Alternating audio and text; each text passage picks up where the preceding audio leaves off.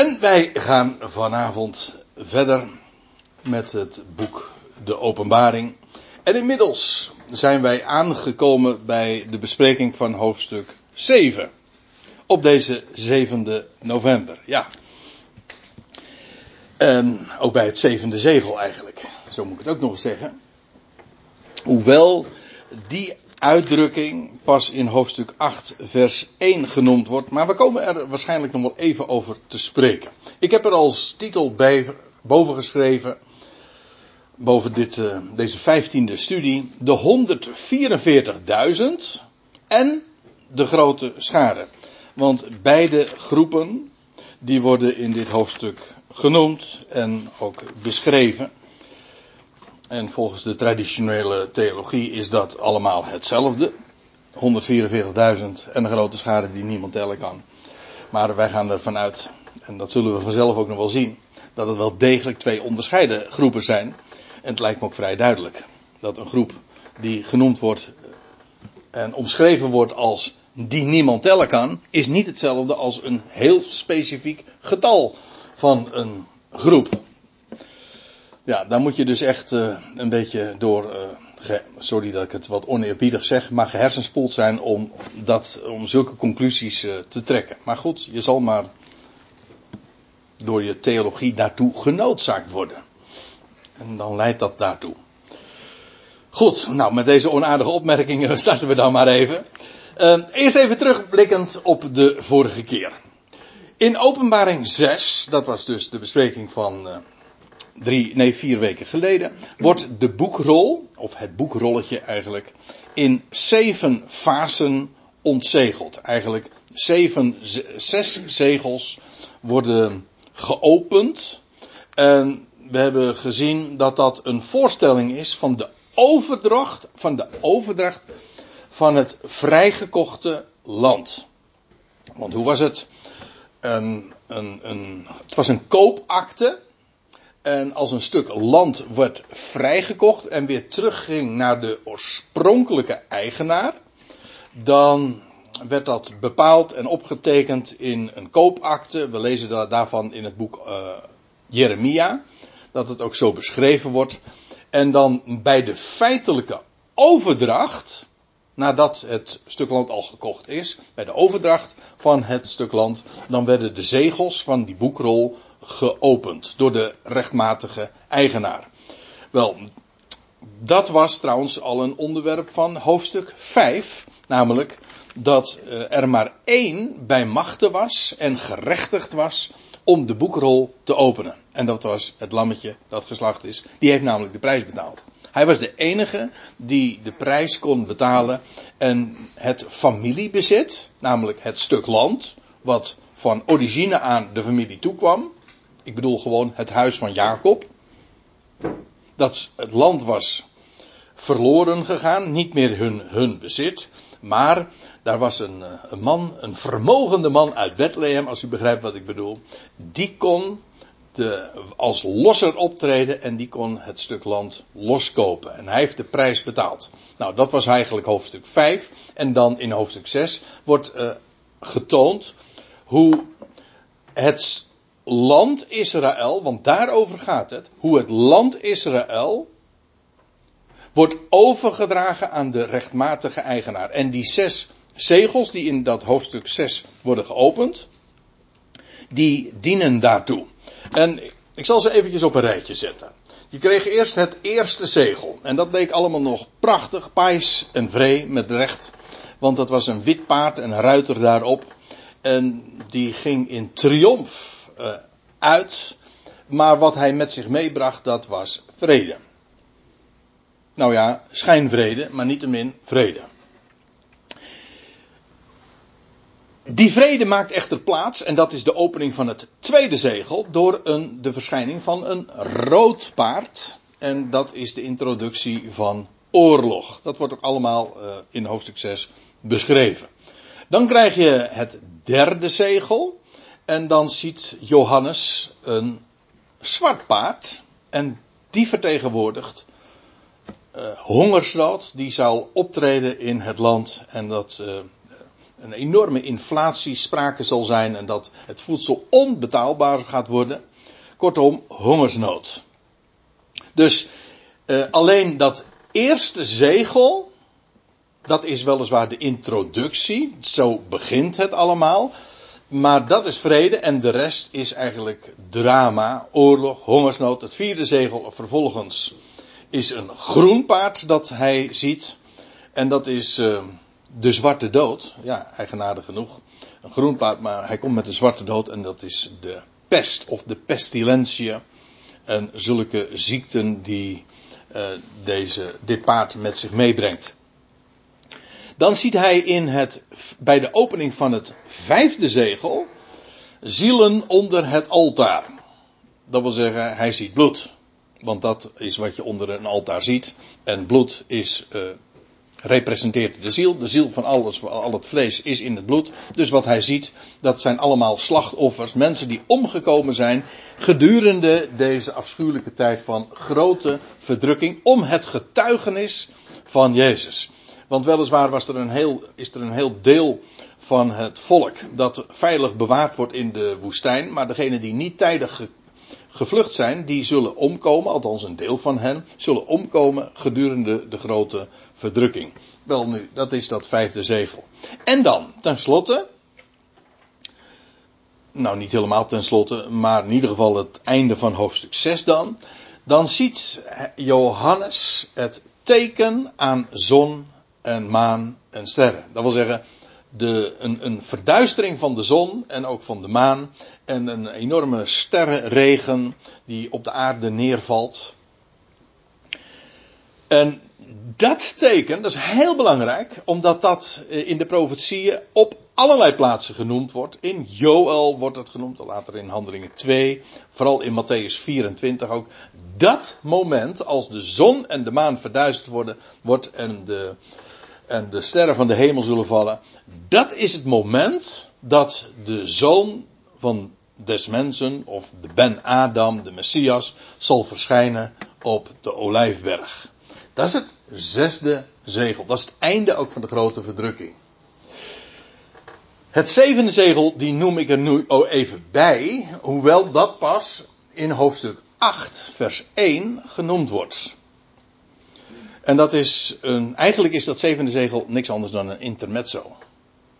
Een, een stilte namelijk. Een half uur stilte in de hemel.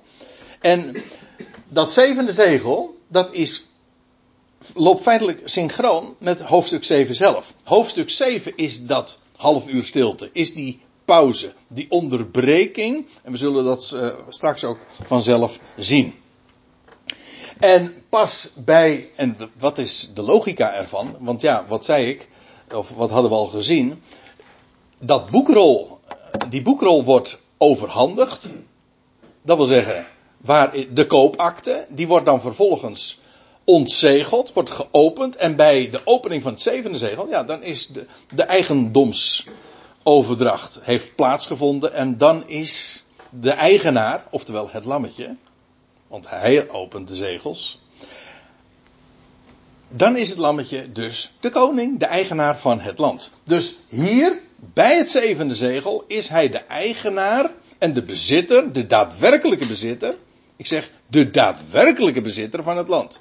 Het land had hij al veel eerder gekocht. De prijs was eigenlijk al veel eerder betaald. U begrijpt wat ik bedoel, hè? De prijs was al lang betaald.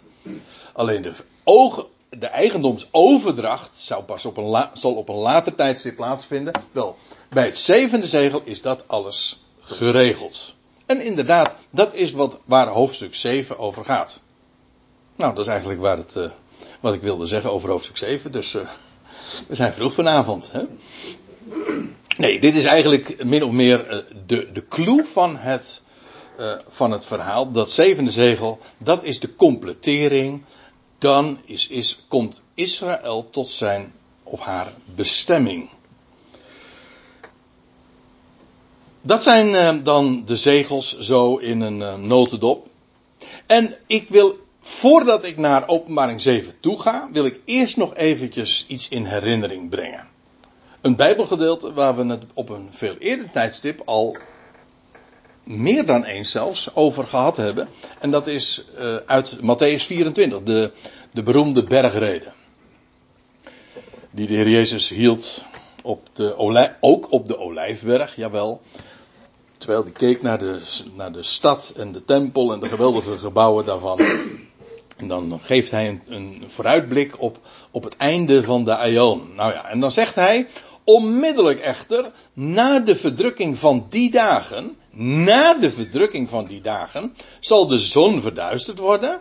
En de man, de, sorry, en de maan zal haar lichtschijnsel niet geven. En de sterren zullen vallen vanaf de hemel. En de machten van de hemelen zullen geschud worden. Een kosmische ramp, om zo te zeggen. Want dat is eigenlijk wat hier aan de, aan de, aan de orde is. U ziet, uh, dit, is, dit komt overeen met dat zesde zegel. En opmerkelijk genoeg, dat is dus na de verdrukking van die dagen. En let op, nou, nou, lees ik gewoon verder in Matthäus 24. En dan, dus na de verdrukking van die dagen en ter gelegenheid van de, de verduistering van de zon en de maan en die sterrenregen. En dan zal het teken verschijnen van de Ben-Adam, van de zoon van de mens, in de hemel. En dan zullen heftig treuren al de stammen van het land. En ze zullen de zoon van de mens zien. Komende op de wolken van de hemel met macht en veel heerlijkheid.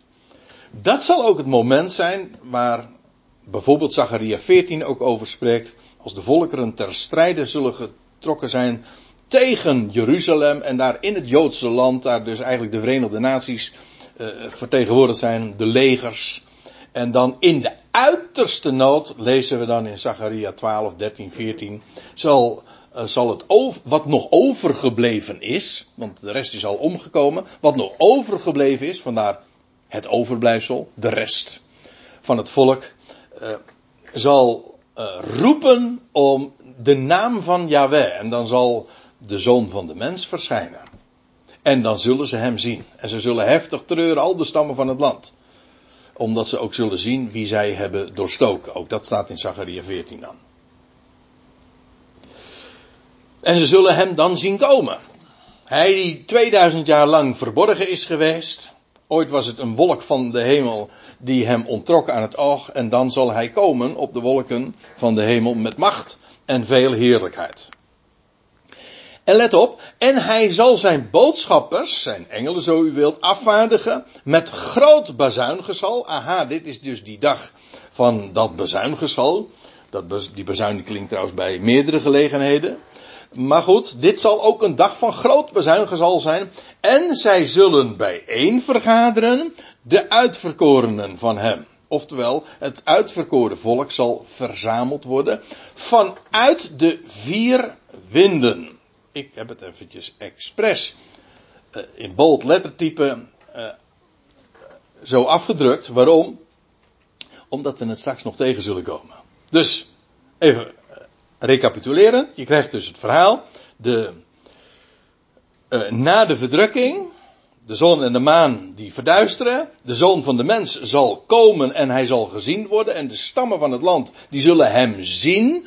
En ze zullen heftig treuren en ook een, een, een moment natuurlijk, een, een periode gaan beleven van. Is hij het dan toch?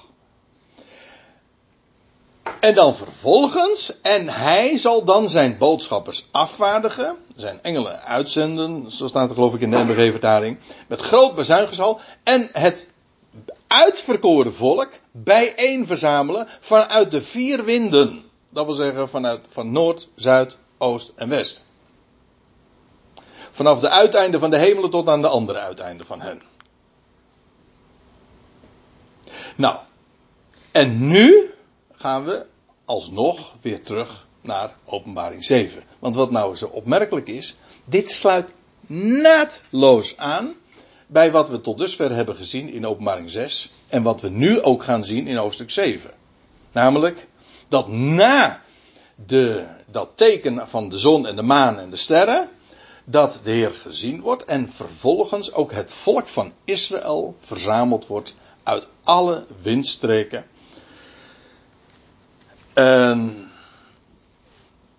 ja, dat is een, uh, een gebeurtenis die uh, een enorm grote hoogtij, mag ik wel zeggen, vandaar ook de dag van de bazuingeschal. Want Israël, de bijeenverzameling van Israël gaat dan plaatsvinden. Oké, nou, en dan staat er in vers 1 van hoofdstuk 7, daar beginnen we dan te lezen. Daarna, aha, daarna, dat is dus na de opening van dat zesde zegel. Hè? Dat was namelijk in, in het direct voorgaande beschreven. In vers 12 tot en met 17. Ik wil er trouwens nog eventjes op wijzen dat in het laatste vers van, van hoofdstuk 6 nog staat dat iedereen dan zal opmerken van ja, nu is de grote dag van hun toren, dat wordt God en, het, en dat lammetje, gekomen. Nu gaat, als ik het dan toch zo mag zeggen, de hel losbreken. De toren gaat inderdaad dan, de dag van toren gaat dan aanvangen voor de volkerenwereld. Daarna, dus na de opening van dat zesde zegel, daarna nam ik vier engelen of boodschappers waar. Staande, het gaat hier niet over menselijke uh, boodschappers, dus vandaar dat ik niet zoveel probleem heb met het woord engelen in dit verband. Maar goed, uh, staande op de vier hoeken van de aarde. Uh, wacht even, is dit een verouderd wereldbeeld? Wat men dan dacht dat de aarde een platte schijf was met vier hoeken. Nou, nee hoor. Die vier windhoeken, uh, ja, die vier hoeken, dat zijn gewoon dezelfde hoeken die wij ook zo noemen, namelijk dan windhoeken. En dat dat niet ver gezocht is, blijkt gewoon namelijk uit het direct volgende. Want er staat de vier hoeken van de aarde, die de vier winden van de aarde vasthouden. Aha, het gaat hier dus gewoon over windhoeken. Ja. Dus over noord, zuid, oost en west. En dat het inderdaad niet over uh, uh, dat die, uh, een platte schijf met vier hoeken gaat. Blijkt ook wel uit andere uitdrukkingen, want dat is helemaal niet de voorstelling in de Bijbel. Want die spreekt ook over het rond der aarde. Nou, ik ben nog nooit een, een, een cirkelvormige vierhoek tegengekomen. Wel dan? Nee, dat bestaat niet. Maar die vier hoeken van de aarde, dat zijn gewoon de windhoeken. En let op, daar staat dus die, die boodschappers, die engelen zo u wilt, die staan daar aan de vier windhoeken. Dus, en die de vier winden van de aarde vasthouden. Kijk, ik liet zojuist al even zien vanuit Matthäus 24 dat als het uitverkoren volk verzameld wordt, dat dat zal zijn vanuit alle vier de windhoeken. Uit de, alle windstreken worden ze verzameld. Dat is namelijk de uitdrukking die gebezigd wordt in verband met de bijeenverzameling van Israël.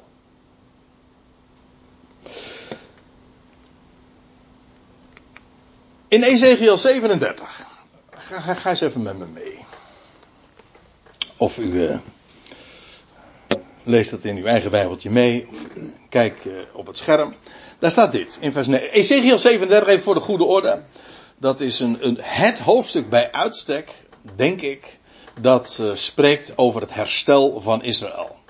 Er zijn meer hoofdstukken, uh, meer bijbelspassages die daarover gaan, maar ik denk dat Ezekiel 37 ongeveer wel de nummer 1 is uh, in, die, in die lijst. Want dit hele hoofdstuk gaat daar ook over. En u weet dat, is, dat Ezekiel dat visioen ook te zien krijgt dat hij verplaatst wordt in de geest naar een, een, een, enorm uitgestrekt dal. En dat is vol met knekels, allemaal door het doodsbeenderen. En dan, dan ziet hij dat. En dan is de grote vraag, ja, zullen die herleven? En dan zegt hij, ja, dat weet u alleen God. Nou, en dan, dan gaat hij dat ook daadwerkelijk waarnemen. En dan zegt hij, en daar staat er in vers 9, daarop zeide hij, dat is Jaweh, tot mij, profeteer tot de geest, profeteer mensenkind, en zeg tot de geest, zo zegt de Heer Jaweh, kom van de vier windstreken, o geest, en blaas in deze gedoden, zodat zij herleven. Even hier, kom van de vier windstreken, o geest, en blaas in deze gedoden. Dat is interessant, want het woord wind is in het Hebreeuws, net als in het Grieks, gewoon identiek aan het woord voor geest. Het Hebreeuwse woord is ruach, maar ruach is, en in het oude Hebreeuws en trouwens in het moderne Hebreeuws ook, is gewoon, ja, uh, beide. En eigenlijk staat het uh, voor in beweging gebrachte lucht. Ja, dat, is, uh, dat kan ook dan nog lucht, adem zijn. Dus de betekenis is nog uitgebreider dan alleen van geest en, en van wind. U ziet het ook hier in het Hebreeuws. Zonder dat je Hebreeuws kent, dan zie je wel dat de stamwoorden. Hier staat gewoon ruach en hier staat ruach. En alleen hier wordt het vertaald met winden. Het meervoud. Ja, uh, en hier staat de geest. Ha, ruach. Maar het is gewoon hetzelfde woord. Dus er zou ook kunnen staan vier geesten, o geest. Of vier winden, o wind. Wij maken het verschil. Al of niet terecht, daar gaat het even niet om. Maar het gaat erom, wij maken dat verschil. In het Hebreeuws staat het niet. Dus er, wat hier gezegd wordt, is de geest die wordt opgeroepen vanuit het oosten, het zuiden en het noorden en het westen. En blaas in deze gedoden, want ja, dat was wel duidelijk, want het, waren, het was een enorm uitgestrekt dal met allemaal doden uh, van dorre doodsbeenderen gedoden, zodat zij herleven.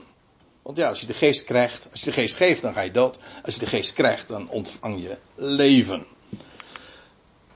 Toen profeteerde ik, zoals hij mij bevolen had, en de geest kwam in hen, en zij herleefden, en gingen op hun voeten staan, een geweldig groot leger. Hou hem vast, want later zullen we dit weer tegenkomen, in hoofdstuk 7 van openbaring, namelijk een grote schade. Ik lees even verder, in Ezekiel 37 nog steeds. Voorts zeide hij tot mij, want nu willen we weten van, ja oké, dit is beeld, dit is visioen, maar wat betekent dat dan? Nou, dan zegt hij, mensenkind, deze beenderen zijn het hele huis van Israël. Uh, in dit verband trouwens uh, niet uh, alleen de tien, maar ook alle twaalf stammen. Zie, zij zeggen onze beenderen zijn verdord. Onze hoop is vervlogen, het is met ons gedaan. Op dat moment, als alle hoop is vervlogen en men aan het eind van hun Latijn zijn, is, ja, men aan het eind van hun Latijn is, dan, uh, dan gaat er iets gebeuren. Uh, namelijk als Israël op dat moment komt. Maar we hadden gezien in het openbaring 6 al, dat bij dat zesde zegel, als, de, als, als die zon en de maan verduisterd worden, dat zal zijn aan het einde van de grote verdrukking. Als de nood zo groot is, als men zal zeggen, onze hoop is vervlogen. En nu, als er überhaupt nog hoop is, dan kan het maar van één kant komen en dat is van boven. En die naam gaan ze dan ook aanroepen. En die zal dan ook verschijnen. Oftewel, als de nood het hoogste is, dan is de redder en daarmee ook de redding nabij. Als, als zij dat zullen zeggen. Ja, dit is dus dit is precies de situatie tijdens het zesde zegel. Absolute, naar de menselijke maatstaven, wanhoop. Niets is er overgebleven, let op, niets is er overgebleven van het land Israël. De hele staat Israël is platgewalst. Je leest ook dat alle steden tot puinhopen geworden zijn. Zelfs Jeruzalem zal onder de voet gelopen worden. Kortom, er blijft niks van over. Ja, dat is wat er beschreven wordt. En dat is zo afschuwelijk dramatisch. Vandaar ook eh, deze woorden. Onze hoop is vervlogen, het is met ons gedaan. Daarom staat er, ik lees nog steeds verder in, Ezekiel 37. Daarom profeteer en zeg tot hen, zo zegt de Heer Jahweh. Zie, ik open uw graven en zal u uit uw graven doen opkomen, o mijn volk, en u brengen naar het land van Israël. Kijk, dit is het nationale herstel van Israël. Dat inderdaad ook op andere plaatsen. Goedenavond. Nou, er is nog wel plek hoor. Ik weet alleen niet of het op de standaardplek is. Ja, daar ja, precies. Goedenavond Hans.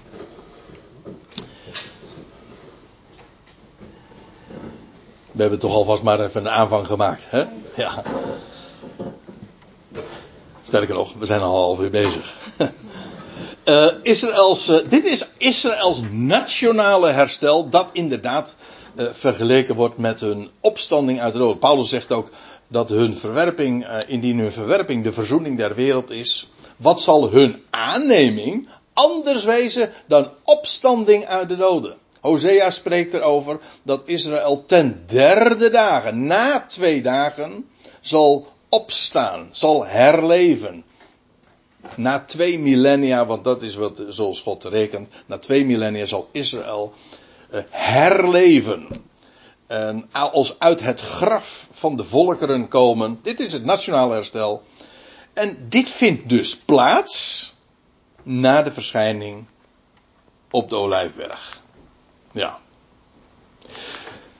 Zodat ook hier in Ezekiel 37, en daarom heb ik het ook aange, aangehaald en geciteerd, omdat ook hier gesproken wordt. En trouwens, ik had ook Deuteronomium 30 er nog bij kunnen betrekken, waar ook gesproken wordt over dat het vanuit alle windstreken Israël zal worden verzameld. Dus die, het vermelden van die windstreken is niet zomaar, dat is juist omdat Israël vanuit alle windstreken zal worden verzameld. Dat gaat gebeuren wanneer? Wel, nadat de zoon des mensen zal zijn verschenen, oftewel na dat zesde zegel, na de verduistering van de zon en de maan. Ja. Goed, we gaan even verder. In openbaring 7 weer. Ik lees eventjes vanaf vers 1. Daarna zei, nam ik vier boodschappers waar, staande op de vier hoeken van de aarde, die de vier winden van de aarde vasthouden. Ja, want ze houden het vast. Het wordt namelijk ook iets tegengehouden. Er mag even, hier wordt een pauze ingelast.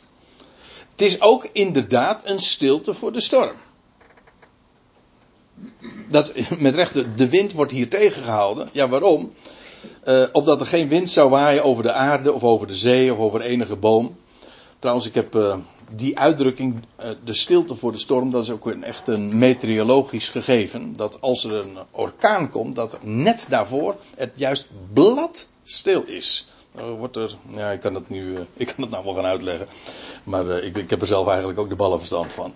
Maar ik las daarover dat het in ieder geval dat er een soort van vacuüm getrokken wordt, waardoor er dus feitelijk ja, dus die, die, een, een, windstilte. Maar wat er eigenlijk aan de hand is, uh, na openbaring 7, ja, dan, dan komt er met recht, uh, letterlijk en figuurlijk, een enorme stormachtige periode, orkanen, ik denk zelfs letterlijk ook, dat zullen we nog tegenkomen, uh, over de wereld. Maar die worden nu dus tegengehouden, vastgehouden. Waarom? Nou, dat is de vraag die, uh, die in de loop van de versen vanzelf ook uh, beantwoord wordt.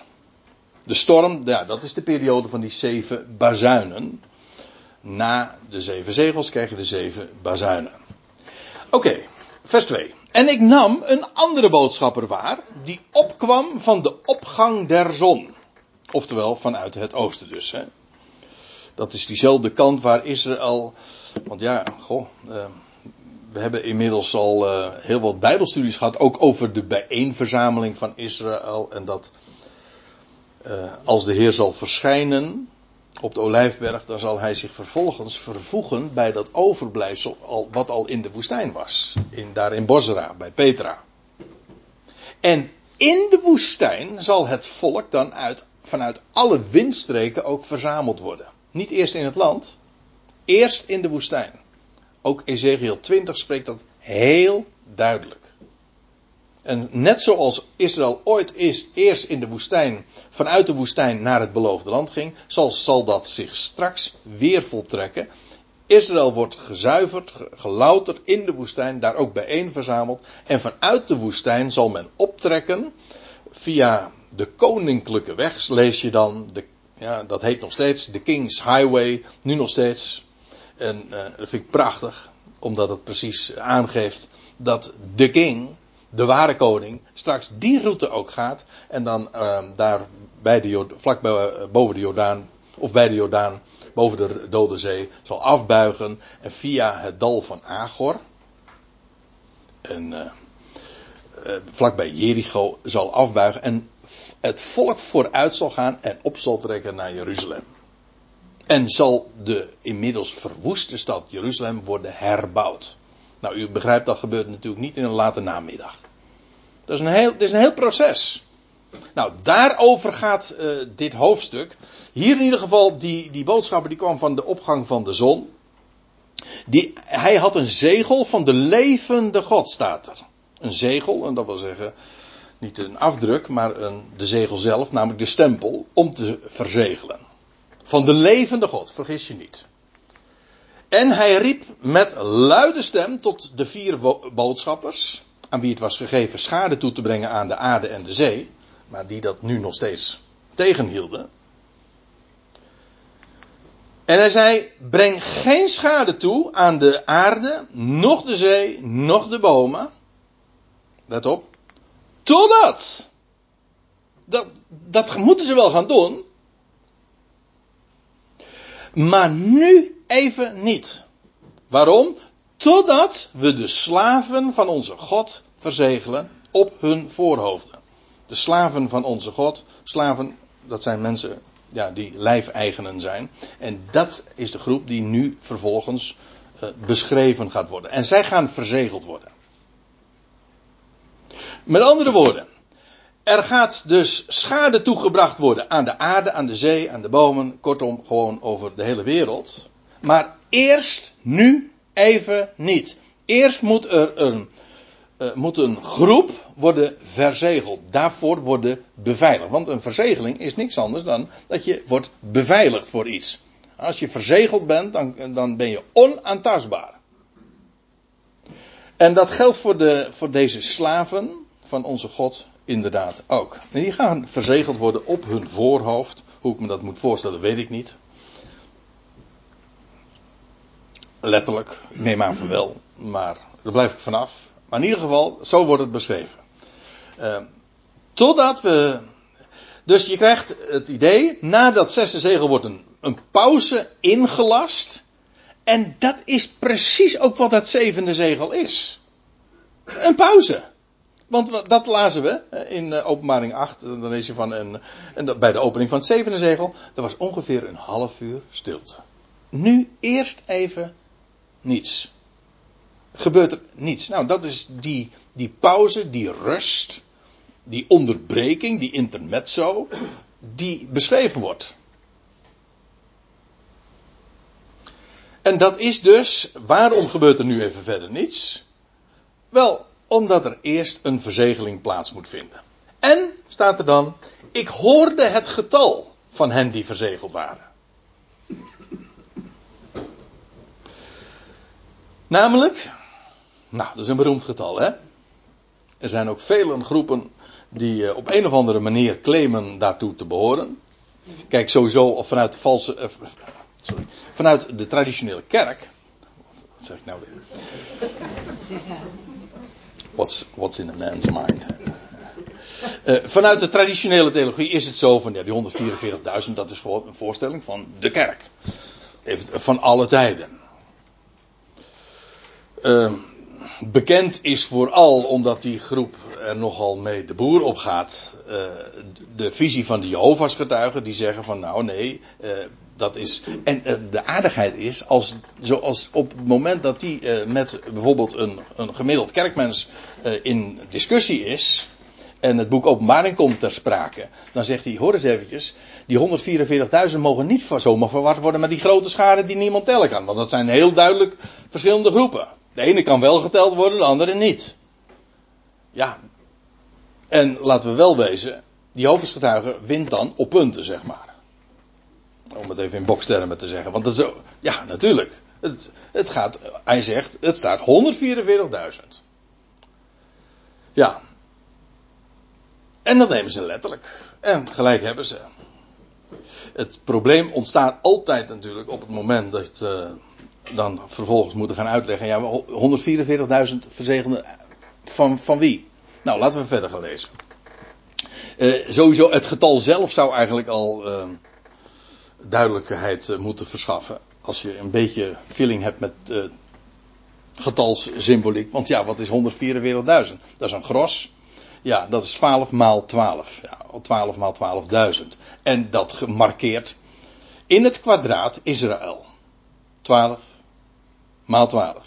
Zoals je ook trouwens 2 maal 12 hebt, maar dat is 24 dus. Die kwamen we ook al eerder tegen. Markeert trouwens ook Israël. 144.000 verzegeld. Dus het eh, mag dan geen schade zijn die niemand tellen kan. Maar, ik moet er toch bij zeggen, het is een flinke groep hoor. Want, hoe, want we zeiden, de Kuip, daar konden er 60.000 in. Hm? Twee keer de Kuip, dan red je het toch niet. Dus het is een enorme grote groep. Later in dit boek, openbaring 14, komen we die 144.000 weer tegen. En dan,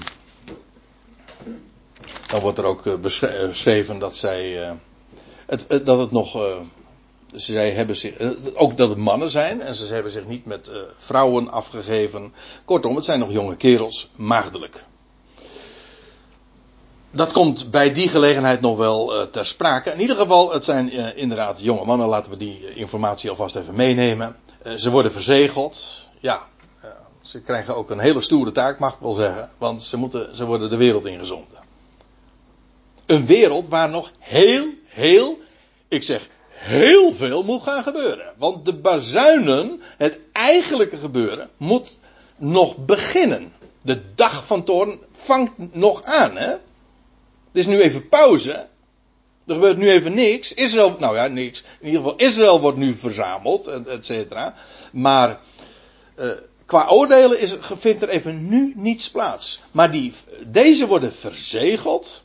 En laten we uh, gewoon uh, daarvan in ieder geval dit opmerken. Ze worden verzegeld, ja, uiteraard ter beveiliging. Daar dient dat zegel ook voor.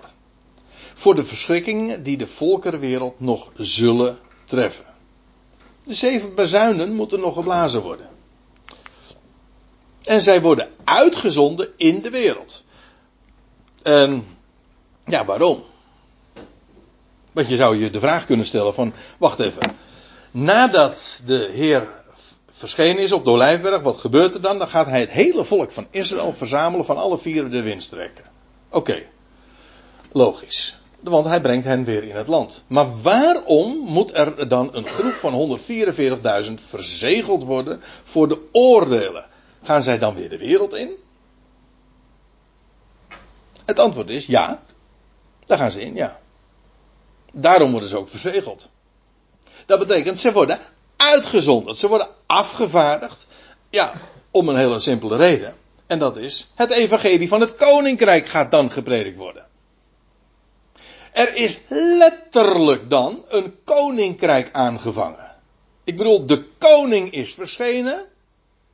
Hij, zal, hij neemt zijn plaats in Jeruzalem. De stad wordt herbouwd. Dus de, de, de, de, de troon van David wordt gerestaureerd.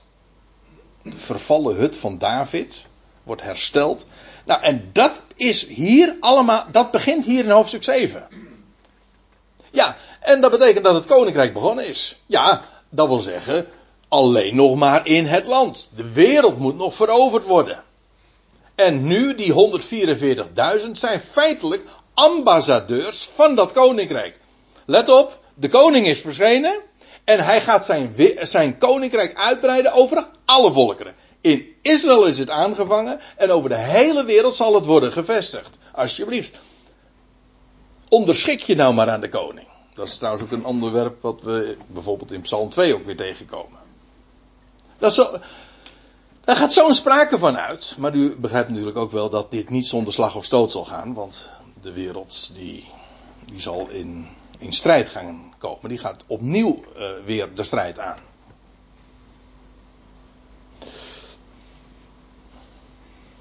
Nou ja, daar kun je. Uh, ik hoor Harmageddon inderdaad Harmageddon, dan, komen, dan zullen ze opnieuw zich weer verzamelen. Dat is trouwens weer op een later tijdstip. Dus kortom, er, er wordt nog een heel scenario afgespeeld. Hoe zeg je dat? Afgedraaid. Een, een, hele, een heel draaiboek. Het hele boek Openbaring gaat erover. Over een opeenvolging van gebeurtenissen. Hier 144.000 mannen, inderdaad, jonge mannen die verzegeld zijn uit elke stam van de zonen van Israël. En dan worden ze genoemd. Al die twaalf stammen worden passeren. Nou ja, ik zeg al die twaalf stammen, dat is altijd een beetje een lastig verhaal. Want eigenlijk zijn er dertien stammen namelijk. Ja, dat komt omdat Jozef eigenlijk uh, gerekend wordt als twee stammen. De zonen van Jozef, dat waren Manasse en, Be en Ephraim. En die worden als afzonderlijke stammen gerekend. Die kregen namelijk een, Jozef kreeg een dubbel deel. Het eerstgeboorterecht. Maar dat betekent dus dat eigenlijk er dertien zonen zijn.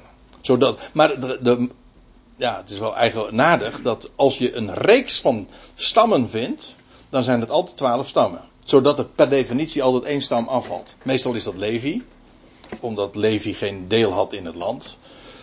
Maar niet altijd. Hier valt er een andere stam af en dat is Dan. Waarom dan? Ja, ja, waarom dan? Waarom dan? Nou, eh, ja, daar zijn hele interessante speculaties over. Ik, eh, ik parkeer dat even, want ik zie dat de tijd veel te hard gaat voor naar mijn zin. Dus uh, daar moeten we het nog maar eens een keer over hebben. In ieder geval worden er twaalf stammen genoemd. Eigenaardig trouwens dat Juda als eerste genoemd wordt, want Juda was niet de eerstgeborene.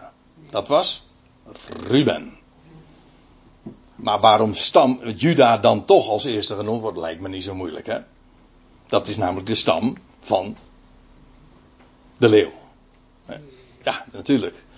Dus uh, het lammetje uit de stam van uh, de, uh, het lammetje, dat geslacht is, staande. Ja, maar het is de leeuw van Juda. Uiteraard, die stam wordt als eerste genoemd. hier. Uit de stam van Juda 12.000. 12.000 verzegelden. Uit de stam Ruben 12.000. Uit de stam, stam Gad 12.000. Nou, het wordt vrij eentonig hoor. Want dit is niet echt heel spannend. Maar het is wel heel gedetailleerd. En ik moet u zeggen, waarom zou je in vredesnaam uh, zeggen van, ja, zijn, zullen dat er wel 12.000 zijn? Ja, denk van, ja, waarom denk je dat het er staat dan? En waarom dan in iedere, waarom staat er dan niet gewoon 144.000? Nee, gewoon elke stam wordt bij name genoemd. 12 stuks. En wat een totaliteit oplevert van 144.000. Zo van, het wordt eigenlijk zo opgezond van, reken het maar na. Nou, daar heb je niet eens een calculator voor nodig hoor. Want het is nogal wie dus. Twaalf stammen worden genoemd. Uit de stam Azer 12.000. Uit de stam van Naphtali 12.000. Uit de stam Manasse 12.000. Daar heb je Manasse. Dat was een van de twee zonen van Jozef. Uit de stam van Simeon 12.000, uit de stam Levi 12.000, uit de stam Issachar 12.000, uit de stam Zebulon 12.000, uit de stam Jozef 12.000. Die is eigenaardig. Want je zegt, hé, hey, wacht even, maar Manasse was toch al genoemd? Dat was een van de twee zonen. Dan, dus wat blijft, wat is Jozef hier dan? Dat moet dan Ephraim zijn natuurlijk. Ja. Want dit is namelijk exclusief de stam van Manasse. Maar daar hou je alleen maar Ephraim over. Dat kan niet anders. En trouwens, dat hoeft niet zo uh, spectaculair te, over te komen hoor. Uh, want datzelfde hoofdstuk waar ik zojuist al uit citeerde, Ezekiel 37, daar lees je ook dat Jozef ook gewoon bijgenaamd wordt Ephraim. Want ja, het eerstgeboorterecht kwam aan Jozef toe. En via Jozef kwam het bij Ephraim terecht. Dus vandaar ook dat Ephraim en Jozef soms ook gewoon min of meer synoniem zijn. Hier in ieder geval. Kan niet missen. En eh, tenslotte de laatste. Hè, de hekkensluiter, Benjamin, dat weten we. De jongste. Het begint niet met de oudste, maar het eindigt wel met de jongste. Uit de stam van Benjamin 12.000 verzegelden. Dus inderdaad, 144.000 mannen, dat hebben we nu nog niet gezien, maar dat zien we elders, uh, worden hier verzegeld. Ja, allemaal uh, om beveiligd te worden. Want dat is belangrijk. Want ja, de vraag die je moet stellen, hoezo verzegeld? Nou, ze worden verzegeld omdat ze een missie krijgen en beveiligd moeten worden voor dat wat ze gaan doen en dat ze nog in de wereld waar die zo geteisterd gaat worden door rampen en gerichten, wel daarvoor zullen zij onaantastbaar zijn. Dus wat er ook gebeurt, maar daarvoor zijn ze onaantastbaar. We zullen dat trouwens later in, in hoofdstuk 9 ook nog, of nee, 8 al zeker. 8 of 9 zullen we dat nog tegenkomen. En zelfs, ik meen van zelfs bij meerdere gelegenheden dat er, dat er vermeld wordt dat er, uh, dat, uh, er velen zullen omkomen. Dan staat er bij, behalve degene die niet, behalve degene die verzegeld zijn. Namelijk refererend aan die 144.000. Die zijn onaantastbaar namelijk. Dus welke ramp er ook gebeurt, zij, hen treft niets.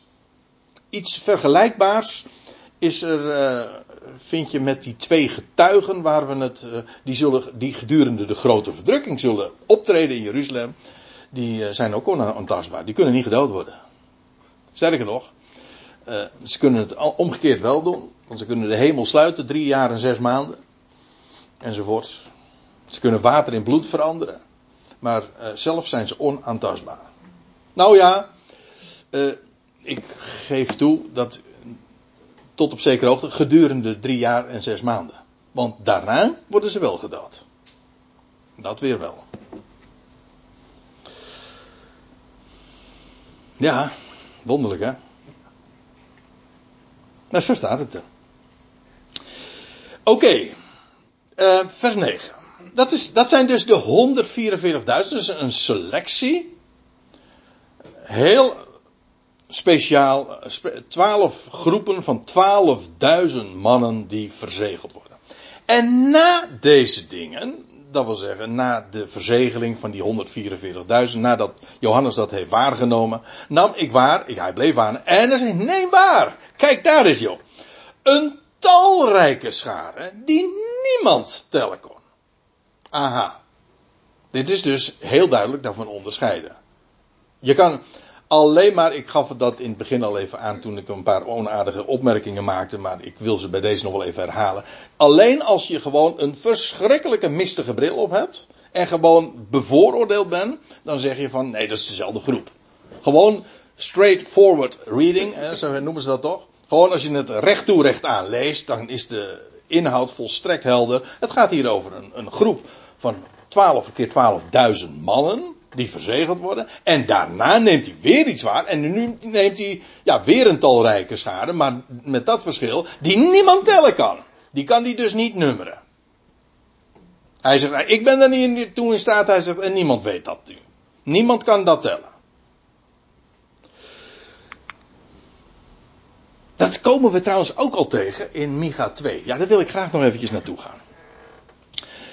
Ik zei al, er zijn van die passages die, uh, waar je iedere keer weer eh, op terugkomt, omdat dat eigenlijk van die hoofdmomenten zijn, van die bergtoppen zeg maar in het hele profetisch landschap. Matthäus 24 is er zo'n hoofdstuk. Zachariah 14 is zo'n hoofdstuk. Ezekiel 37 is zo'n hoofdstuk. Micha 2 ook. Misschien niet zo'n bergtop, maar dan toch in ieder geval een heuveltop. Uh, daar lees je dit. Zeer ter zake. Hoe vaak niet dit onderwerp van de bijeenverzameling, de toekomstige bijeenverzameling van geheel Israël uit alle volkeren, niet het onderwerp van de profetie is ongehoord. Ja, en dat is ook uh, een, een gebeurtenis die zal plaatsvinden uh, ja, na de grote verdrukking. En dat heeft ook te maken met nadat Israël tot inzicht is gekomen van haar Messias. Daarvoor is er ook al een Joodse staat. Zoals we die nu al kennen. En dat is ook al geprofiteerd dat er zoiets zou zijn. Maar dat is een menselijke constructie. In overeenstemming met de profetie. Maar dat is mensenwerk. Daar blijft ook niks van over trouwens. Micha 2. Ik, en hier is God zelf aan het woord. Ik zal Jacob verzamelen. Ja, verzamelen. Allen van u bijeenbrengen. Ja, bijeenbrengen. Ik zal het overblijfsel van Israël samenbrengen. Dat wat van Israël dus overgebleven en nog niet is omgekomen. Als een kudde klein vee in Bosra. Heel boeiend. Als je nou een MBG-vertaling hebt, dan staat er als een kudde klein vee in een schaapskooi. En dat, en zo gek is dat nou ook weer niet. Want Bosra betekent namelijk schaapskooi. Maar Bosra is ook een plaatsnaam. En een plaatsnaam die in de profetie nogal eens vaker genoemd wordt. En beroemd is met name ook uh, Jezaja 63. Dat er, kent u dat gedeelte? Dat er staat. Wat is dat rood aan uw klederen? Wie is het die daar, wie is het die daar van Edom komt? Met rood besprenkelde klederen vanuit Bosra. Bosra is de hoofdstad feitelijk van Edom. Dat gebied daar ten zuiden van de Dode Zee en ten noorden van de golf van Elat, zeg maar. Dat, dat gebied. En, en, en daar ligt ook Petra. en daar zal Israël verzameld worden als een kudde. Ja, die naam Bosra is zo geëigend. Omdat daar de kudde verzameld wordt. Dus als je zegt van is het nou een schaapskooi of is het Bosra? Ja, in het Hebreeuws is het gewoon hetzelfde. Maar die plaatsnaam heeft het juist omdat het ook fungeert als een schaapskooi. Daar wordt de kudde verzameld. Ik zal het overblijfsel van Israël samenbrengen waar, of als een kudde kleinvee in Bosra. Als een bijeengedreven kudde in het midden van de schaapskooi. Het, en nou komt het. Het zal er gonzen van de mensen. Want behalve, kijk, je moet je voorstellen. Voordat de grote verdrukking begint, is er, heeft er al een vlucht plaatsgevonden naar de woestijn. En als die, die gruwel van de verwoesting, dat afgodsbeeld op het tempelplein wordt neergezet, dat is het laatste moment dat je nog kan vluchten. Degenen die daar niet gevlucht zijn, die, ja, die, kunnen, die kunnen dus niet meer vluchten. Maar er is dus een groep die daar gedurende de grote verdrukking, 1260 dagen, bewaard wordt en verzorgd wordt in de woestijn. Na de grote verdrukking, ik geloof dat ik er toch maar eens een schemaatje van moet maken, Jacco, hè? uh, na de grote verdrukking, als de Heer dus verschenen zal zijn in, op de Olijfberg, gaat hij, naar dat, uh, gaat, gaat hij naar dat gebied, want er wordt namelijk ook ter plekke, als hij zal verschijnen, een vluchtweg gecreëerd. De Olijfberg zal midden doorscheuren. En dat wat nog overgebleven is, het resterende deel van, het, van Israël, van het, wat zich in het land bevindt, zal vluchten naar de woestijn. En die zal zich vervoegen bij dat andere gezelschap, die daar al, al een paar jaar was. Maar daar gebeurt nog niets. Daar wordt namelijk heel Israël verzameld van alle windstreken. Want laten we wel wezen, dat wat zich in het Joodse land bevindt, ik bedoel in het Midden-Oosten, dat is in feite maar een kleine hoeveelheid, een klein deel van het eigenlijke Joodse volk. Heel het volk, heel Israël, zal van alle windstreken verzameld worden. En die zullen gebracht worden in de woestijn. Ik heb daar nog wel een aantal vragen over hoe dat dan in zijn werk zal gaan. Uh, nou ja, uh, in ieder geval, de engelen, de boodschappers zullen uitgezonden worden. En die zorgen er in ieder geval voor dat Israël daar uh, wordt, daar terechtkomt. Daar vindt trouwens nog weer een selectie plaats. Dat, dat, ik refereerde al eerder aan Ezekiel 27, pardon, aan Ezekiel 20. En vanuit de woestijn, waar heel Israël dan inmiddels verzameld is, trekt men dan op naar het land. En gaat men het land weer herbouwen en in de eerste plaats Jeruzalem zal hersteld worden. En nou ja, waar we het al eerder over hadden. Maar daar waar die verzameling van Israël plaatsvindt, in Bosra, het zal er gonzen van mensen. Nou, dat is die talrijke schade. We moeten dan toch echt denken in de termen van miljoenen mensen. Lijkt mij. Het zal er uh, in het midden van de schaduw, het zal er gonzen van mensen, het staat trouwens nog bij. En de doorbreker, dat is de Messias, blijkt zo uit, uh, uit het verband. De doorbreker, degene die doorbreekt, ja, uh, die voorop gaat, voor hun aangezicht, de doorbreker zal voor hun aangezicht doorbreken. En ze passeren de, de poort, dat wil zeggen, ze gaan dan Bosra verlaten. Ik neem ik weet niet helemaal zeker, maar ik denk dat dat gewoon daar, dat gebied van Petra, ze zullen daar die, hoe heet dat? De chic, hè? Die, die poort, die, de eng is de poort, hè? Dat, hele, die nauwe gang zullen ze passeren en ze passeren de poort en ze gaan daarin uit. En hun koning, dat is die doorbreker, zal voor hun aangezicht uh, doortrekken, passeren en Yahweh aan hun hoofd. Want hij is de representant van Yahweh. En hij zal voorop gaan. Dus vanuit Bosra, vanuit die schaapskooi, waar Israël dus geheel, in zijn geheel verzameld zal zijn, zal men optrekken vanuit de woestijn en zal men uh, het land dat compleet verwoest zal zijn, in bezit gaan nemen. En ja, dat is, uh, dat is het scenario zoals, uh, zoals je dat in allerlei passages dan tegenkomt. En dat is ook precies wat, uh, wat Johannes dan uh, waarneemt. Dat wil zeggen, eerst had hij al die selectie gezien van 144.000, maar nu ziet hij een geweldige grote schare. Uit elke natie en, en stammen en volkeren en talen. Ja, wat heel logisch is, want, uh, maar dit volgt, dit, dit sluit natuurlijk naadloos aan bij wat we al eerder zagen. Dit is precies wat we zouden verwachten, want wat gebeurt er? Israël wordt verzameld uit, jawel, uit elke natie, uit alle stammen en alle volkeren en alle talen. Vanaf de vier windstreken. En vandaar dus die gigantisch grote schare die uh, Johannes dan waarneemt. Ja, voordat we gaan pauzeren wil ik Ezekiel 37 nog een keer aanhalen. Daar staat dit. Zo zegt de Heer Jaweh. Weer dat hoofdstuk wat ik nou al twee keer eerder heb aangehaald. Zo zegt de Heer Jaweh. Zie, ik haal de Israëlieten weg. Uit de volkeren. Hier heb je het. Naar wier gebied zij gegaan zijn. En ik zal hen van alle kanten bijeen verzamelen. En hen naar hun land brengen. Via de woestijn overigens. Ja.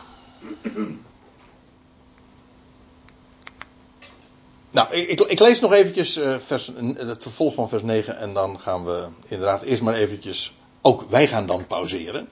Uh, uh, staande, sorry? Niet, niet, voor een half uur, nee. nee, de helft van een half uur.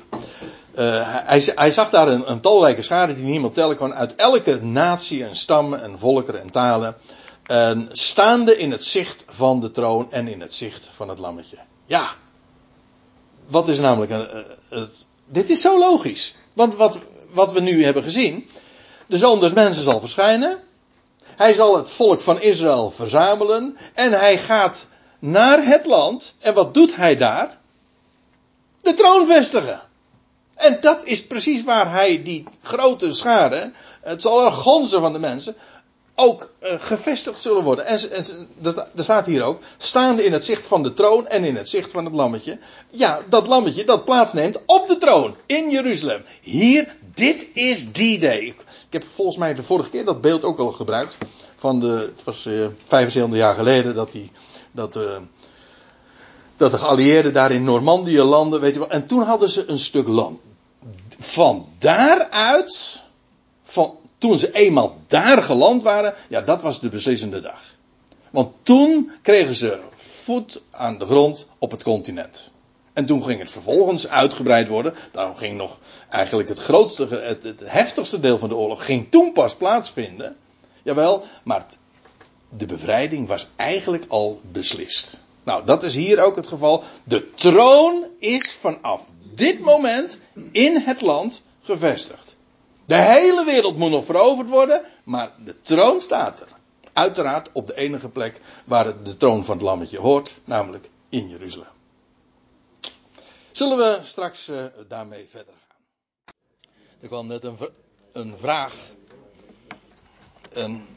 Die luidde: uh, maken wij dit ook nog mee? Even voor de goede orde dit is allemaal waar we het tot dusver over gehad hebben. Dit zijn gebeurtenissen dus na de grote verdrukking, als de Heer voor Israël zal zijn verschenen. En uh, de wegrukking, ja, dat is een gebeurtenis die plaatsvindt. Die wegrukking van die mannelijke zoon, voordat die vrouw naar de woestijn zal vluchten, daarvoor dus. Ik wilde dat toch eventjes de puntjes op de i zetten, maar ik kan me wel voorstellen bij, bij dat uitgebreide scenario dat het voor sommigen misschien allemaal een beetje too much is. Ja, nou, mag er nog een schemaatje komen. Er komt een schemaatje. Spreek jij namens Jacco of zo? Namens alles. Hij weet van niks. Ja. Een ma. Ja. Een ma. Een? Ma. Een ma. Geen ma. Nee, maatje. Oh, een schema. Ja, ja precies. Ja, dat, dat, dat wordt het dan al gauw natuurlijk. Ja. Nee, maar dat, dat komt in orde. Dat, dat, uh, PowerPoint leent uh, zich daar juist ook heel erg goed voor natuurlijk. Echt. Ja, precies, ja. Ja, precies. Ik, dat ga ik dan ook doen. Ik, uh, dan maak ik een, een zodanig schema dat je het ook kunt downloaden. Dat is wel makkelijk. Hè? Dan kun je het downloaden, Tony.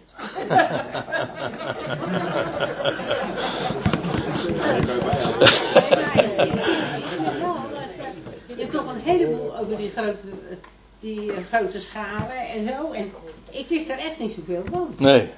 Het, moet ook, het, het moet ook allemaal nog gebeuren hoor. Ja, ja. dus alles wat je ervan weet vind ik eigenlijk toch wel aardig wat, hè? Goed. Uh, ik lees nog even vers 9. Uh, na deze dingen, nadat we die 144.000 hebben gezien, zo Johannes die heeft beschreven, die selectie dus van verzegelden. Na deze dingen nam ik waar, uh, nee maar, een, talre, een talrijke schare die niemand tellen kon uit elke natie en stammen en volkeren en talen. Kortom, dat is die schare die uit alle volkeren verzameld wordt, namelijk het uitverkoren Israël. Dat is wat hij hier ziet, waar die 144.000 dus een selectie weer uit is. Ja? En die staan dan in het zicht van de troon, of voor de troon staat er in de MBG-vertaling. Ja, en in het zicht van het lammetje, want dat is namelijk, dat lammetje is verschenen en de troon is gevestigd en die grote schare, die bevindt zich daar dus. Ja. Daar. En ik kan het niet genoeg benadrukken. Dit is dus letterlijk een koninkrijk. Dat is niet een of ander theologisch concept. Nee, letterlijk een koninkrijk. We praten over een dynastie. Een nazaat uit het huis van David. Beloofd, voorzegd. En hij herstelt de troon die al pakweg 2500 jaar vakant is. En die gaat hij bezetten. En op de enige plaats waar die hoort, namelijk in Jeruzalem, de stad van David. En daar begint het koninkrijk. En die grote schare die hier waargenomen wordt, die verzameld is uit alle volkeren, ja, die bevindt zich daar bij de troon. Dat is wat Johannes hier ziet. En zij zijn, staat er dan, bekleed met witte gewaden. Er zijn. Uh, er is natuurlijk sprake van symboliek.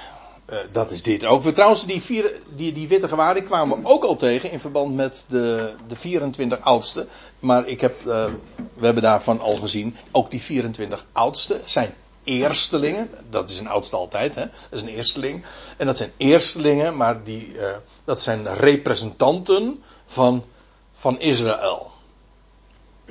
Het koninklijke, priestelijke volk. Dat wil zeggen, uh, de twaalf in de dubbele zin des woords. Koninklijk en priesterlijk. Uh, ze zijn bekleed met witte gewaden. Ja, hoezo wit? Je hoort toch in het zwart gekleed te zijn? Zeggen, dan. zeggen die mensen die, uh, als het even mee zit, bij de 144.000 te horen.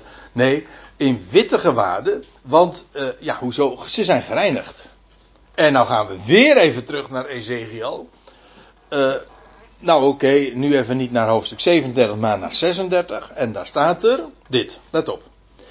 Ik en ik, hoofdletter, jawel, zal jullie weghalen uit de natieën. Aha, daar hebben we het weer. En ik zal jullie bijeenroepen. Vanuit alle landen. En ik zal jullie brengen naar jullie eigen grond.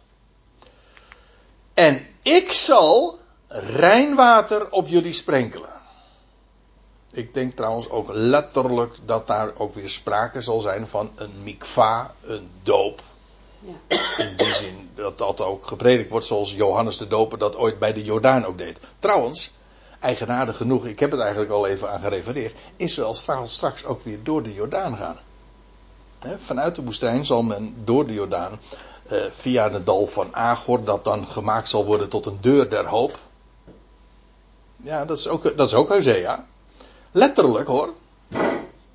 Ik denk dat de meesten die dat opwekkingsliedje zingen over, uh, over het dal van Agor, een prachtig lied trouwens, uh, maar die dat zingen, niet zich realiseren dat dat heel letterlijk vervuld gaat worden. Dat Israël via dat dal van ongeluk, want Agor betekent ongeluk, dat ze juist door dat dal en via de Jordaan, uh, dus feitelijk wordt het hele volk dus gedoopt.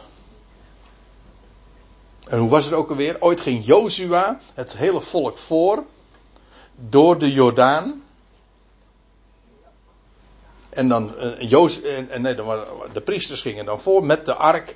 En dan staat er, uh, Israël volgde op een afstand van ongeveer 2000 ellen. En Israël ging toen ook door de Jordaan. En zo kwamen ze in het beloofde land. Hoe profetisch kan het allemaal niet zijn? Maar dat is feitelijk ook wat een doop is. Zoals Israël ooit gedoopt werd in, in de Schelfzee. Zo wordt dat ook genoemd. Zo worden ze straks gedoopt in de Jordaan.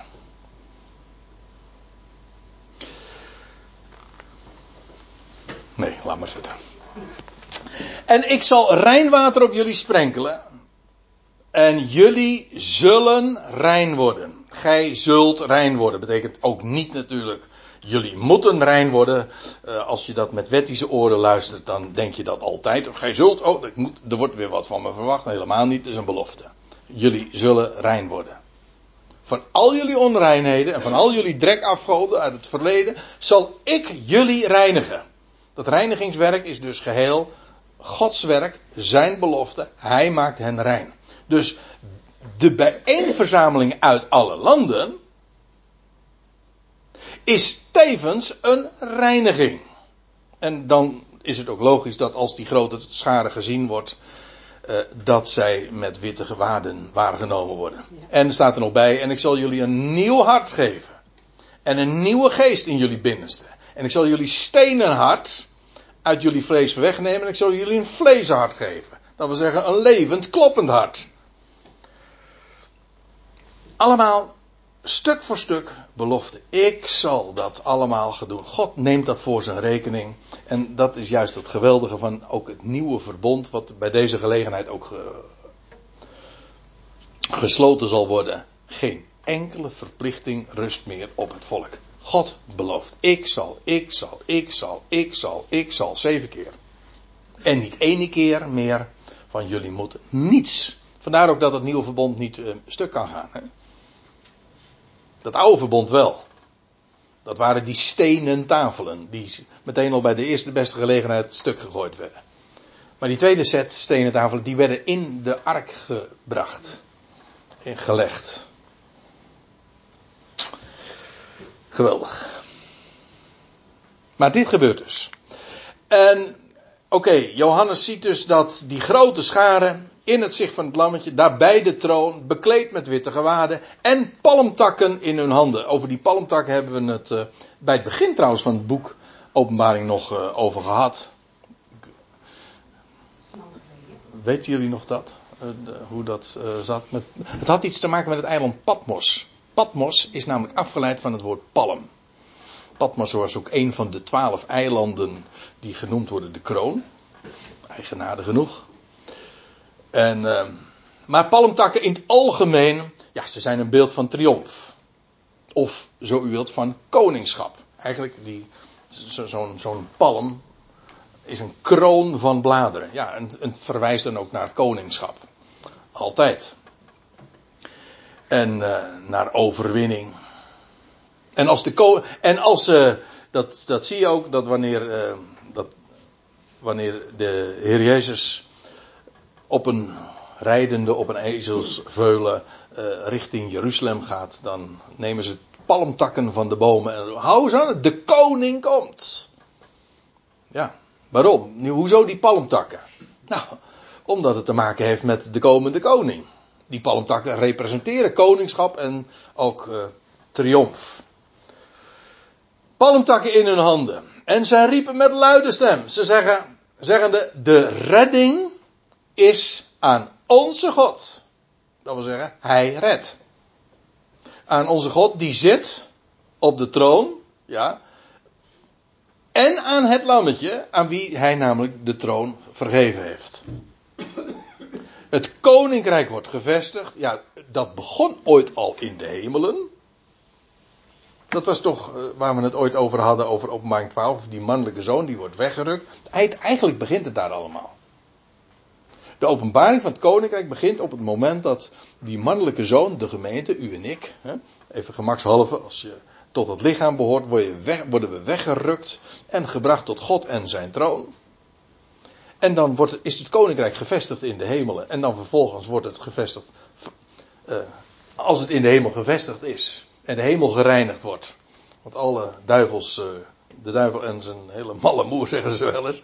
Uh, wordt dan op de aarde geknikkerd. Ik zou, als ik het oneerbiediger kan ik het niet zeggen.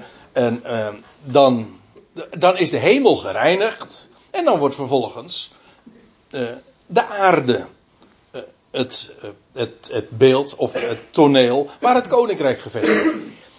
Uw wil geschieden gelijk in de hemel, daar begint het, alzo ook op de aarde. En dan uh, hier nu bij deze gelegenheid in openbaring 7, eh, na het zesde zegel, oftewel tijdens het zevende zegel, wordt de troon gevestigd op aarde. En is Israël verzameld. Ha, eindelijk. Het koninkrijk is gevestigd. Er moet nog een heleboel gebeuren. De wereld moet letterlijk en figuurlijk nog veroverd worden. Maar het koninkrijk is gevestigd. Precies daar waar het hoort. En hij redt. Ja, die, de redding is in onze God, die zit op de troon en aan het lammetje.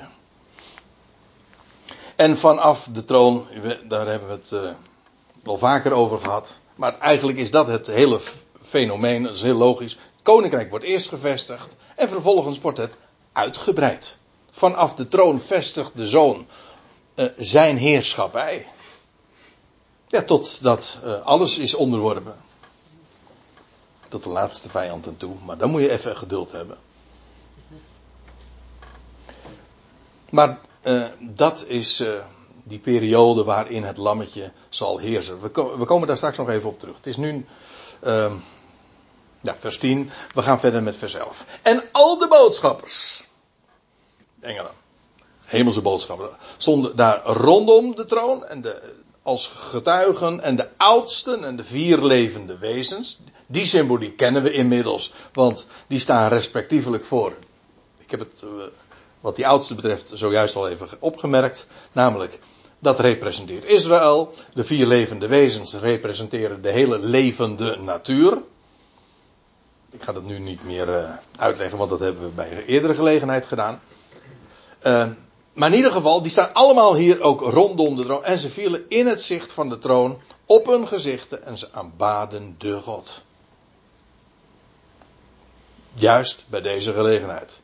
Juist nu die talrijke schare thuis gekomen is. Eindelijk. En rondom de troon daar staat. Gewassen wit en helemaal in de moed ook, om zo te zeggen, voor uh, het koningschap dat zo de hele wereld zal gaan veroveren. Zeggende Amen. Dus echt een lofzang wat hier klinkt. Hè? Zeggende, zij alle zeggen Amen. De zegen en de heerlijkheid. Jezus, al die dingen zou je uit kunnen vergroten. En hoezo wordt dat zo gezegd? Maar nou ja, ik zou zeggen, dat is leuk huiswerk. De zegen. De heerlijkheid. De wijsheid, want daar komt wat bij kijken, om de wereld te gaan beheersen. Wijsheid. En de dankzegging, en de eer, en de macht, en de sterkte. Nou, dat uh, is ook wel nodig, hè? Macht en sterkte. Die is aan de God. Die nu dus inmiddels zijn koninkrijk gevestigd heeft op aarde. Tot in de Ionen der Ionen. Maar dat is precies, dat zijn precies die wereldtijdperken waarin het lam zal regeren. Niet tot in alle eeuwigheid. Nee, hij moet heersen tot dat. Tot hij ook de laatste vijand zal hebben teniet gedaan. En dan zal hij een volmaakt koninkrijk uh, overgeven. Maar dat is bij de voleinding van de Ionen. Hij, hier wordt gesproken over die macht en die sterkte enzovoorts. Die in de, tot in de Ionen der Ionen zijn beslag zullen krijgen. En ja, wat kan daar anders op gezegd worden dan Amen. En een van de oudsten antwoordde En zei tot mij: Wie zijn deze die gehuld zijn in de witte gewaden en van waar kwamen zij? Eigenlijk weten we het al. We hebben inmiddels al uh, eigenlijk het antwoord daarop gezien. Maar goed, uh, dat komt ook mede omdat we wat vooruitgelopen zijn. Hè? Wat, maar nu wordt de vraag expliciet gesteld. Wie zijn dat deze? Die gehuld zijn in die witte gewaden en van waar kwamen zij? Wat, welk antwoord zou je verwachten? Nou, ik zal je vertellen. Weet je welk antwoord ik zou verwachten? Dat wat nu volgt. En ik, nou, Johannes zegt, ik heb het tot hem uitgesproken. Mijn heer, u weet het. Ik denk, Johannes wist het ook hoor. Maar u weet het. En hij zei tot mij, het is alsof Johannes hier nu ook gewoon een expliciete bevestiging wil hebben van, nou zegt u het maar. Wie zijn het? Wie zijn het nou? Die zojuist zijn waargenomen. Die enorme grote scharen. Waar uit die 144.000 dus weer een relatief kleine selectie is. En hij zei tot mij: Dit zijn degenen die komen uit de grote verdrukking. Moet je nagaan. De bazuinen moeten nog gaan geblazen worden. De grote gerichten gaan nog over de wereld volgen. Dat is nog helemaal niet gebeurd, hè? Die zeven zegels had alleen maar te maken met het land, met Israël. Israël is nu onderworpen. De grote verdrukking is voorbij. We hadden dat trouwens ook al gezien in, in, het, in Matthäus. Terstond na de verdrukking dier dagen. zal de zon en de maan verduisterd worden enzovoort. En dan zal het teken van de zon des mensen verschijnen. En dan zal hij zijn uitverkorenen verzamelen. En, nou, dat is dus na de verdrukking. Dat is precies wat hier staat. Die grote scharen, dat zijn degenen die komen uit de grote verdrukking. Van die 42 maanden dus. Dat is echt een grote verdrukking. Want we hebben het er in de pauze nog even over gehad. Dus afschuwelijk. Moet je nagaan dat na het enorme. Uh, dat afschuwelijke wat er allemaal is gebeurd in de afgelopen eeuwen. En met name dan in de Tweede Wereldoorlog. Dat daarna 45 er een Joodse staat komt. Eindelijk een tehuis. En dat dat. Waar men toch alle hoop op gevestigd heeft. En dat juist dat werk, die constructie uh, waar men alle hoop op gevestigd dat dat compleet met de grond gelijk gemaakt gaat worden. Dat is een, een drama. Afschuwelijk. En dat alle steden platgevallen zullen worden. En dat als uiteindelijk het, het, alleen Jeruzalem nog de vestiging is waar, men, waar het overblijfsel uh, nog zal, ja, overgebleven zal zijn van Israël. En dan de naam aanroepen. Wat een verdrukking na, in combinatie dan ook met de pestilentie waar we het al over hadden, die het land zullen treffen en de, eh, de, de enorme burgeroorlog, ook dat hebben we gezien. Vanwege dat messiaanse getuigenis dat zo enorm conflict zal oproepen binnen het volk zelf. Afijn. Dit zijn degenen die komen uit de, uit de grote verdrukking. Die dus inderdaad voor Israël te, ten einde is. En ja, dit is uh, wat, wat we op deze avonden naar voren brengen. Dat is best wel een uniek inzicht. Dat klinkt wat. Uh, uh, ja, hoe moet ik dat zeggen? Alsof wat exclusief. Maar ik, ik bedoel het eigenlijk zoals ik het zeg. vrijwel dit, het inzicht dat, dat daar eerst Israël onderworpen zal worden vervolgens eh, vanuit Israël het koninkrijk uitgebreid gaat worden. En dat het grootste gedeelte van het boek de Openbaringen gaat over de tijd dat Israël inmiddels uit de grote verdrukking is. En waar de koning al zal heersen. En het, maar de wereld nog onderworpen moet worden. Dat, is, dat vind je bijna nergens. Nee. En ook hier, en dat, uh, ja, dat, ik merk dat ook op. En dat zeg ik zonder enig. Uh, leedvermaak of zo. Ja, bepaalde dingen uh, vallen je ten deel. En als je het eenmaal ziet, nou, dan zie je het overal. Want dan blijkt ook, uh, bijvoorbeeld als je openbaring 7 leest, ook als ik de commentaren dan op nalees, uh, bijvoorbeeld wat hier dan staat, dat, de grote verdrukking eigenlijk al voor, voor die grote schade ten einde is. Terwijl de bezuinen nog moeten klinken.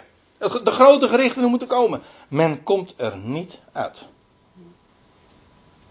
Als je het allemaal uh, plaatst in hetzelfde tijdvak. Of als je het allemaal in die 3,5 jaar probeert te persen. Want dat is meestal de procedure. En het lukt niet. Het is, het is gespeend van elke logica.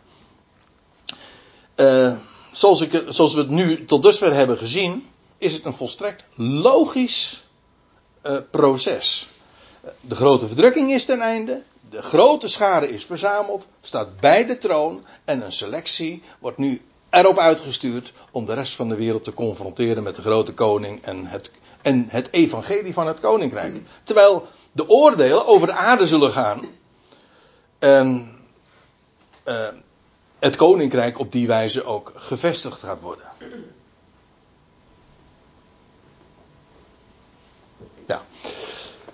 Nog even verder. En hij, dus Johannes krijgt hier expliciet antwoord op de vraag van, ja, wie zijn dit en waar komen ze vandaan? Nou, dit zijn degenen die komen uit de grote verdrukking. En zij spoelden, ja, zo staat het eigenlijk letterlijk, hè. Zij wasten, uh, zij hebben gewassen, zij spoelden hun gewaden en maakten die wit in het bloed van het lammetje. Nou, dat is vreemde beeldspraak. Want uh, als, je, als je iets wast uh, in bloed, dan wordt het niet wit. Hm, toch? Dan was je het sowieso niet, want dan wordt het alleen maar vieze, zou je zeggen, en het wordt zeker niet wit. Maar ja, en, uh, hier heb je dus geoefende oren voor nodig. Want de beeldspraak is juist geweldig. Want waar, waar gaat het over? Als je weet wat het bloed van het lammetje is. Oh, dit is trouwens ook weer zo'n uitdrukking. Ja, als je natuurlijk uh, met uh, het, gewoon, het traditionele, christelijke, evangelische vocabulaire zit, het bloed van het lam. Ja, we zingen daar wel over. Maar waar, waar hebben we het eigenlijk over? Hoezo gewassen in het bloed van het lam? We zongen vroeger heel vaak in de samenkomst waar ik kwam. Daar is kracht. Kracht. Wonderbare kracht. Wonderbare in het bloed van het lam. Hoezo? Vraag je af. Want het bloed van het lam, dat, dat is toch het lam dat. Uh, dat lammetje dat stierf op de dag dat het lam geslacht werd. Hè, de 14e Nisan. Hoezo is daar kracht in? Dat is toch juist zwakheid? Hoe kan er kracht zijn? Ja, Totdat je het lammetje tegenkomt in openbaring 5. Hè? Dan ziet Johannes dat lammetje. Staande al, ja, als geslacht, maar staande. En dat is het grote geheim. Daarin zit de kracht. En daarin zit ook de reiniging. Want dat betekent dat het, het bloed van het lammetje spreekt van hem die geslacht is. Als je dan een punt zegt, dan snap je er nog helemaal niks van. Ik zeg het wat zwart, wit, maar zo bedoel ik het eigenlijk ook.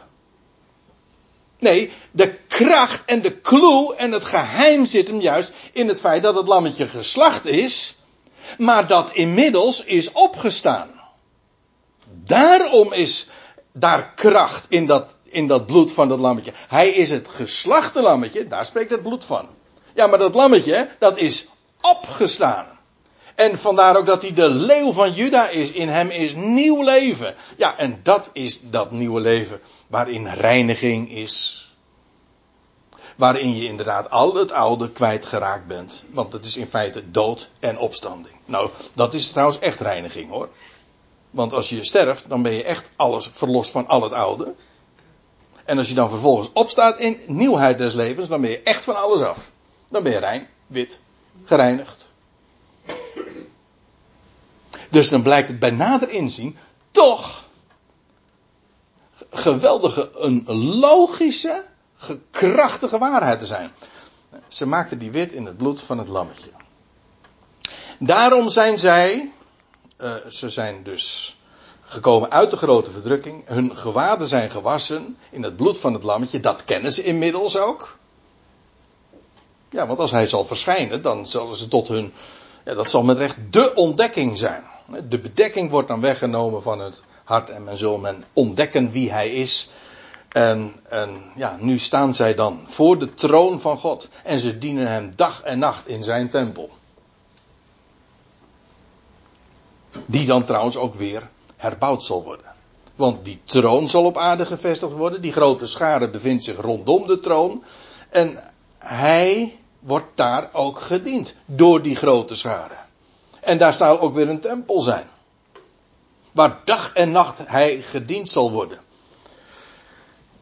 En het mooie is, die tempel moet nog gebouwd worden. Maar uh, de bouwtekening, om zo te zeggen, die ligt al duizend jaren klaar. Tot in detail zelfs. In, openbaar, in Ezekiel 40 tot 48 vind je een hele uitgebreide beschrijving van buitengewoon saai om te lezen. Want alle maten worden opgegeven van, van, van de muren en van het heiligdom en hoogte en breedte. Nou, dat is nou niet leuk om uh, te lezen hoor. Nee, maar God heeft gezegd van zo gaat die tempel eruit zien. En ik geef je alvast hier op een briefje, acht hoofdstukken of negen hoofdstukken, uh, zo gaat het eruit zien. Daar zal het worden gevestigd. En die tempel gaat dus gebouwd worden. En dat wordt. En hoe staat het in. Dat is weer Jezaja. Des Heren woord zal uit Jeruzalem uh, gaan. Hoe staat het er nou precies? En dus, uh, nou. Het citaat uh, komt me even niet voor de geest. En dat volkeren zullen optrekken dan, ja dat is pas later natuurlijk. En dat ze dan ook daadwerkelijk zich onderworpen zijn aan de koning. Maar het begint daar bij Israël. En daar wordt de tempel herbouwd. En daar zullen ze zich dus bevinden. En, terwijl het dus zo nog een, een, een orkaan, ik begrijp wat ik bedoel, zal gaan losbarsten over de aarde, over de hele wereld, is daar in eer in Israël een oase van rust. God wordt daar gediend, de troon staat daar, men is daar veilig. Daar is een, weer, wordt een tempel gebouwd waar hij gediend zal worden. En hij die op de troon zit, zal hen als in een tent overschaduwen. Dat wil zeggen, eh, de vijandige wereld buiten het land zal hij niets kunnen aandoen. Ze worden daar overschaduwd. Hoe staat het er elders in de psalmen? Eh, in de schaduw van uw vleugels. Gewoon overdekt worden. Niks kan je gebeuren. Dat is de situatie. Terwijl er nog zoveel in de volkenwereld ge zal gebeuren. Zoveel vijandschap. Niets kan hen treffen. Die 144.000 die erop uitgaan, treft hen trouwens ook niks. Maar die bevinden zich in de volkerenwereld. Maar dit is die grote schade in het land zelf. En hij die op de troon zit, zal hen als in een tent uh, overschaduwen. En ze zullen niet hongeren en ook niet dorsten. Die hongersnood waar uh, kort tevoren, een paar jaar eerder, nog sprake van was.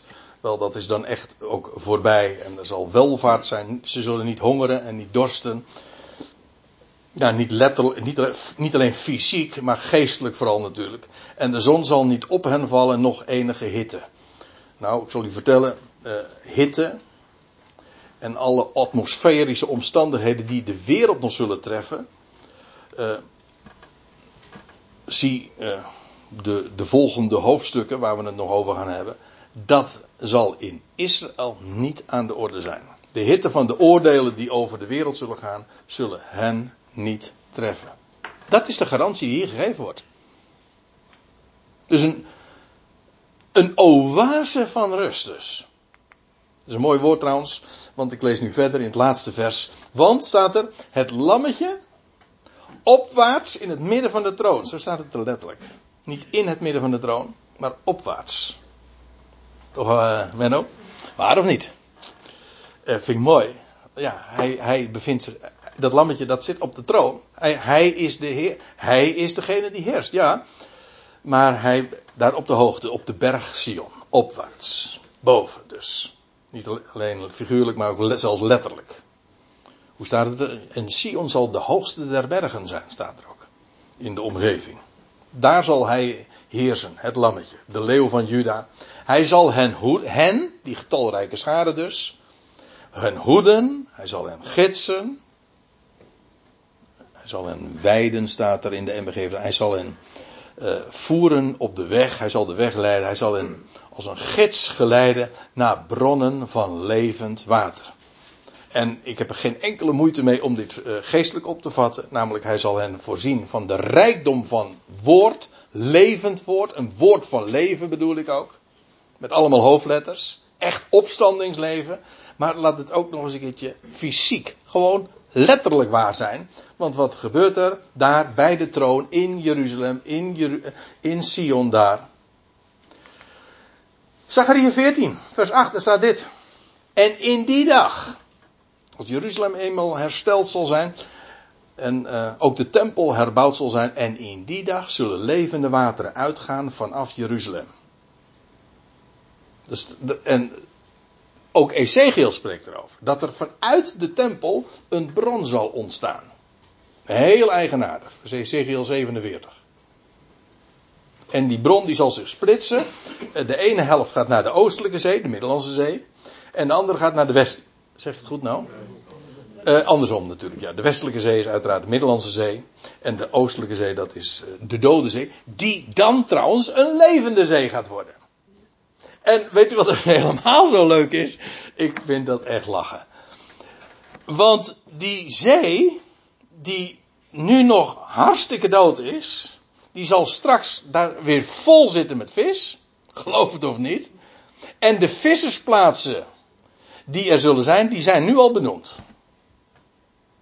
En Echlaim heten ze één, geloof ik. En nou ja, je vindt het in Ezekiel 47. Die namen die vind je helemaal nog niet op de kaart. Maar de, de toekomstige namen op de kaart, die worden al vermeld in de schrift.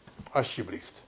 En daar zullen vissersplaatsen zijn. En allemaal omdat er levende, letterlijk, bronnen van levend water daar bij de troon, in de tempel, in Jeruzalem, zullen ontstaan, ontspringen. Wat een tijd. Ja, en ik herinner er nogmaals aan, dus, maar dat is ten overvloede, maar ik hoop, dat wil ik heel goed benadrukt hebben. De hele wereld moet nog onderworpen worden en de afschuwelijkste gerichten die de aarde nog zullen treffen, is, dat, die zijn nog toekomstig. Toekomstig. Daar gaan we het nog over hebben, de volgende keer, de volgende keren. Wat dat betreft, eh, we hebben, openbaring 7 is ja, worden we verplaatst in het land Israël en daar is het allemaal de grote verdrukking voorbij. En daar staat de troon, daar is een tempel, daar wordt God gediend, daar is rust, daar worden ze overschaduwd, daar zijn bronnen van levend water. En ze worden daar behoed en ze worden daar gegidst. Ja, gegidst, een vreemd woord trouwens. Maar goed. En staat erbij, en God zal elke traan uit hun ogen afwissen. Wat je trouwens later nog een keer leest in het boek Openbaring. Dat is pas bij. Uh, aan het einde, Openbaring 21. Maar hier is er al. Hier is er al. Na al het leed. Daar moet ik aan denken. Al het ver, voorbije verdriet. Al het verdriet van de afgelopen tijd. Maar ook de afgelopen tijden. Dat zal worden dat ja, voor de vergeten. Dat wil zeggen, het zal geen rol meer spelen. Het grote, voorbije verdriet van de grote verdrukking zal worden vergeten, voorbij zijn. Al, elke traan, niet alle tranen, elke traan, afzonderlijk, zal God uit hun ogen afwissen. Zo doet hij het verdriet weg. En dat zal, hij zal rouwgewaad, dat is Jezaja trouwens weer, hij zal het rouwgewaad verwisselen voor een gewaad van vreugde. Wit. Feest, feestvreugde. Dat is openbaring 7. Dat is een rust. Dat is het. In feite is openbaring 7, die nummering is erg uh, frappant in dit verband eigenlijk ook. Want openbaring 7 is het zevende zegel. Hier is het land voorgoed, definitief, overgedragen aan de enige recht hebben, namelijk aan het lammetje. En hij gaat voor deze rust, voor die talrijke scharen zorgen. Zullen we het daarbij laten voor vanavond? En de volgende keer, dat is Deo Volente, 28 november. En dan gaan we het hebben over het zevende zegel. Nou ja, eigenlijk maar heel ten dele, want de eerste verse van openbaring 8. En uh, vervolgens de vier bazuinen. Nou, dat is heftig hoor. Kan ik u nu vertellen. We kwamen in openbaring 7 in een, uh, in een oase van rust. Maar, uh, maar berg je. Alvast. Dus u bent bij wezen gewaarschuwd. Dit is niet voor de tere zieltjes. Dit, uh, dit, moet je, dit moet je kunnen dragen. Want ik weet van sommige mensen die dit zullen lezen. En die dat niet met droge ogen. En eigenlijk kan je dat ook niet met droge ogen lezen. Dit, is, dit zijn zulke enorme, heftige dingen die nog gaan gebeuren. Maar niettemin, dat is wat de schrift zegt. En het woord wordt altijd waarheid. En dat is dus openbaring 8 en daar gaan we het de volgende keer over hebben. Dat zijn 13 versen.